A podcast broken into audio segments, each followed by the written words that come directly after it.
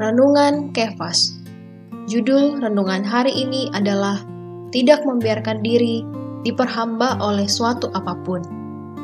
Ayat bacaan dari 1 Korintus pasal 6 ayat 12. Segala sesuatu halal bagiku, tetapi bukan semuanya berguna. Segala sesuatu halal bagiku, tetapi aku tidak mau membiarkan diriku diperhamba oleh apa pun. Dalam ayat 12, Dua kali Paulus berkata, "Segala sesuatu halal bagiku." Pemakaian yang pertama dari kata-kata ini agak bersifat objektif, sedangkan pemakaian yang kedua sangat subjektif.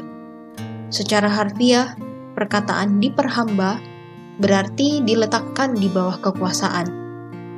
Segala sesuatu berada di bawah kekuasaan Paulus, tetapi ia tidak berada di bawah kuasa perkara apa pun dan segala sesuatu diperbolehkan, sah baginya.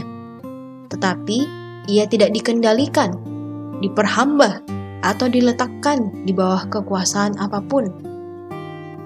Ayat 12 dapat dianggap sebagai suatu pepatah yang mengendalikan penanggulangan rasul terhadap masalah-masalah yang disinggung dalam bagian berikutnya dari pasal 6 ayat 13 sampai pasal 11 ayat 1.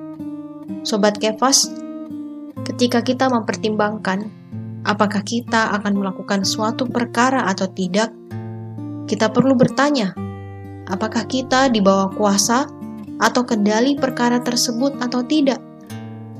Jika suatu perkara mengendalikan atau menguasai kita, janganlah melakukannya. Sebagai contoh, kita mungkin ingin tahu apakah boleh makan makanan-makanan tertentu Makanan-makanan tersebut boleh saja dimakan, asal mereka jangan menguasai kita sedikit pun. Kita harus menanggulangi sampai tuntas segala sesuatu yang menguasai kita.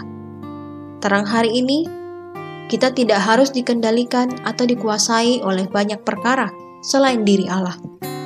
Sedikit maupun banyak, setiap perkara harus mendapat penanggulangan dari Allah. Doa hari ini Mari berdoa agar Tuhan di dalam kita menanggulangi setiap perkara yang menghambat Allah bertumbuh di dalam kita. Tuhan Yesus memberkati.